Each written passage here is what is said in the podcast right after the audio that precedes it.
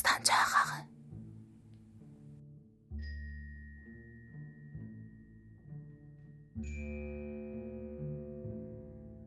Nina və Səttarxanın qadınları. Nina çoxdan bəri Səttarxanın ailə həyatı ilə tanış olmaq istəyirdi. Lakin buna imkan yox idi. Çünki onun konsul Millerin evində xidmət etməsi Səttarxanın evinə getməsinə müsaidə vermirdi. O bu ziyarətin konsul ailəsində şübhə oyadacağından qorxurdu. Bu kimi maneələr olmasaydı, Nina hər gün Səttarxanın evinə gedib tanış ola bilərdi. Avrel ayının əvvəllərində Ruseskoya Selo ruznaməsinin müxbiri Tardofen öz qadını ilə Təbrizə gəlməsi və onların Səttarxanın ziyarətinə getmək istəməsi Ninanın çoxdan bəri daşıdığı məqsədin həyata keçməsinə imkan yaratdı. Səttarxan rus ruznamələri müxbirlərini Təbrizə buraxmırdı.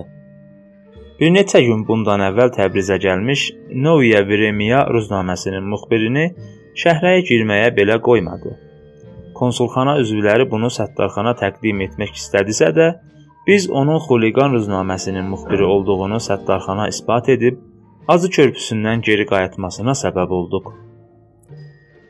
Ruseskoya Selo rüznaməsi müxbirinin Bakıdakı İran İnqilabı Komitəsindən kağız gətirməsi, xüsusən Ruseskoya Selonun Təbriz inqilabı haqqında bir neçə yaxşı məqalə yazması onun Təbrizə girməsinə və Səttarxanı ziyarət etməsinə imkan vermişdi. Sonra Nina Səttarxanın və onun ailəsini ziyarət etdiyindən danışaraq deyirdi ki, qapıda çox müsəlləh adam vardı. Biz mədarikləri verdik.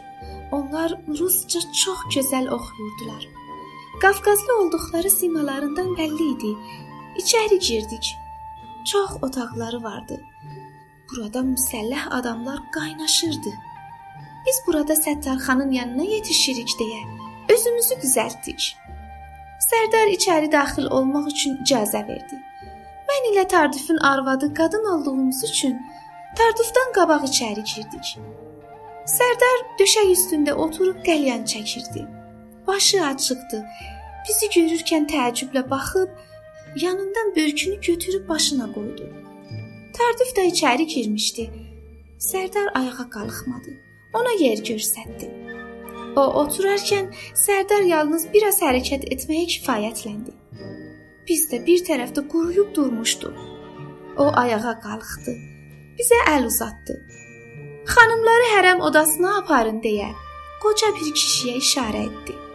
Şərqin nəfis ipəkləri, Kirman saraqın qiymətli xalçaları, Kaşhanın məxməriləri ilə zinətlənmiş otağa girdikdə Səttarxanın böyük qadını döşək üstündə oturub qəlyan çəkirdi.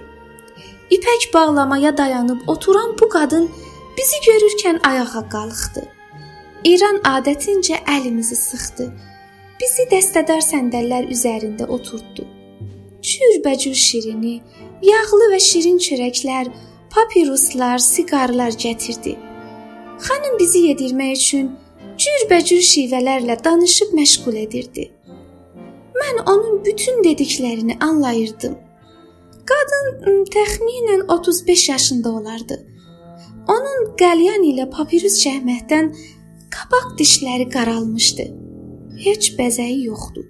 Gözəldi. Onun hər bir hərəkəti bizi məşğul edirdi. Ayaq üstündə gənc və gözəl bir qadın durmuşdu. O xanımın yanında yerə oturmur. Ağzından yaşmağını çıxarmırdı. O Səttarxanın inqilabdan sonra aldığı qadın idi. Buna görə də hərəmdə böyük sayılan birinci qadının yanında yerə oturmaqdan həyalanırdı. Gənc qadın tam mənası ilə bir qərbili qadın qiyafəsini daşıyırdı. Gözləri həddindən artıq qara idi. Sürmə çəkdiyi bəlli idi. Gözlərini qapadıqda qara kirpikləri bir ağızlı daraq kimi hər iki tərəfdən çöhrəsinə yayılırdı. Qadınların hər ikisi dırnaqlarına xına yaxmışdı. Böyük qadın topuqlarına xırda altun və inci ilə düzülmüş xalxal bağlamışdı. Kiçik qadında bu yoxdu. O uzun boğazlı, nəfis alman corabı geyinmişdi. Kiçik qadın böyük qadını bacı deyib səslədikdə o can deyə cavab verirdi. Bunlar sanki bir-birləri ilə rəqabət aparan qadınlar deyildi. Hmm, amma ikisinin də simasında olan pozğunluq ilə fikir yorğunluğu onların bir-birinə gizlin rəqabət hissi bəslədiyini göstərirdi. Səttarxanın hərəmində başqa İran əyanları kimi qadın qələbəliyinə təsadüf etmədik. Orada yalnız bir qadın qulluqçusu vardı. Bizi götürüb bütün otaqları göstərdilər. Qadınların hər birisi üçün başqa otaq vardı.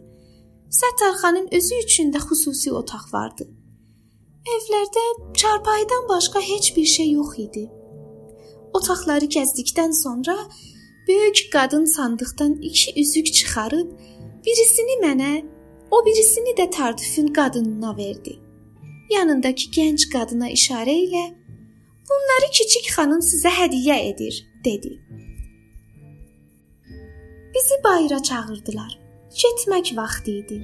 Səttarxanın oturduğu otağa girdik.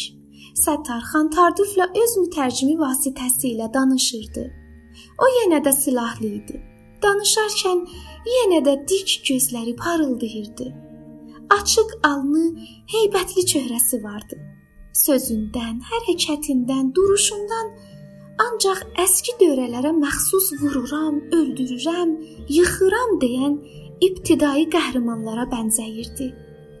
Biz onunla vidalaşarkən hamımıza əl verdi. Qabaqca qadınlara, sonra isə Tardufa. Bizi qapıya qədər ötürdü. Çox yumşaq və həlim bir sürətdə danışırdı. Yenə adəti üzrə əlini tez-tez başına çəkirdi. Çox təmiz geyinmişdi Üstündə ağır silah və fişəng dolandırmırdı. Bütün ehtiyat qüvvələri, atlı, piyada hamısı əmrə hazırdılar. Ona hər 5-10 dəqiqədə bütün cibhələrin işləri haqqında məlumat verilirdi. Demək olar ki, sərdar bütün cibhələri şəxsən idarə edirdi. Baqir xanla tez-tez danışırdı. Çünki şiddətli vuruşmalar Baqir xan cəbhəsində gedirdi. Biz bayıra çıxanda Səttarxan da atlanıb xiyaban cəbhəsinə yola düşürdü. Çıxarkən Səttarxanın evini seyr etdik. Fəqir və addi bir görünüşü var idi. Dastancağı. Baqir xan öz nüfuzunu itirmişdi. O, Rəhimxan Təbriz ətrafına gəldikdə Rus bayrağı himayəsinə girdiyindən bu ləkəni öz üzərindən silməyə çalışırdı. Baqir xanın yanında Təbrizin ən məşhur igidləri və ən yaxşı tədbirli adamları toplanmışdı. Bala Təqi və Cəlil xan kimi adamların olduğuna baxmayaraq, Baqir xan özü tədbirsiz idi. Nəhayət o bu ləkəni öz üstündən təmizlədi. Baqir xan bütün qüvvətini hazırlayıb Rəhim xanın üzərinə qəti hücuma keçdi. Rəhim xan bütün silah və hərbi ləvazimatını sahib divan bağında buraxıb qaçmağa məcbur oldu. Rəhimxan pişmiş pilovunu belə qazanlarda qoyub qaçdı və Rus himayəsinə keçmək üçün Rus bankına məxsus olan bağda yerləşdi. Buna görə də Təbrizdə rahat nəfəs alacağına ümid olunurdu. Rəhimxanın bu məğlubiyyətindən sonra Rus konsulunun nə təşəbbüsdə olacağı məlum değildi. Bu vəziyyəti öyrənmək üçün Nina ciddi surətdə çalışırdı. Nina şifrə şöbəsindən başlamış, Tərcümə şöbəsinə qədər gəzmişdisə də, bir şey əldə edə bilməmişdi. Tam bu günlərdə Nina konsul mütərcimi Mirzə Fətullah xan Babayevdən bir sevgi məktubu almışdı. Məktubda belə yazılırdı: Gözəl Nina, hər gözəl qadına gözəl demək adətdir. Lakin sizin yüksək gözəlliyinizi gözəl sözü tamamilə ifadə edə bilmir. Siz bu məktubu axıra qədər oxusaydınız, Mən özümü xoşbəxt hesab edərdim. Amma bilirəm ki, oxumursunuz. Oxusaydınız, cavab verərdiniz. Çox təəssüf edirəm ki, sizə baş əyən hər əmrinizi dini bir vəzifə kimi ifa etməyə hazır olan Babayevi lazımınca tanımamısınız. Siz mənim konsul yanında olan hörmətimi İmperatora olan xidmətlərimi və bütün Təbrizdə bir Allah kimi tanındığımı lazımınca qiymətləndirə bilməmişdiniz. Onu da bilirəm ki, azadsınız.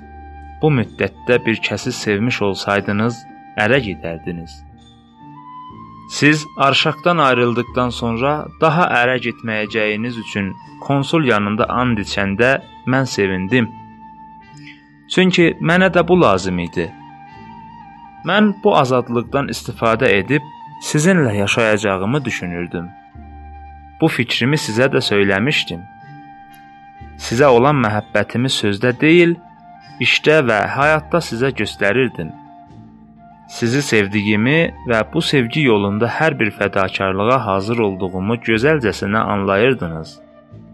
Siz mənim bu fikrimi bildikdən sonra uşaqların dərsindən də ayağınızı çəkdiniz.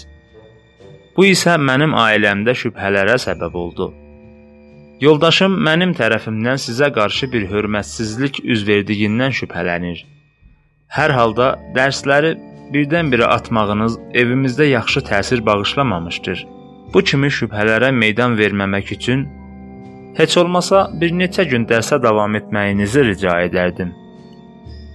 İkinci kərə təkrar edirəm ki, mən sizin üçün hər bir imkanı yarada bilərəm. Siz bilirsiniz ki, mən Təbrizin birinci şəxsi kimiyəm. Saat 6-da dərsə davam edəcəyinizə ümid edirəm. Sizin xeyirxahınız Fətullah Nina konsulun Rəhimxan məğlubiyyətindən sonra nə təşəbbüsdə olacağını öyrənmək üçün Mirzə Fətullah xanın evinə getmək üçün hazırlaşırdı.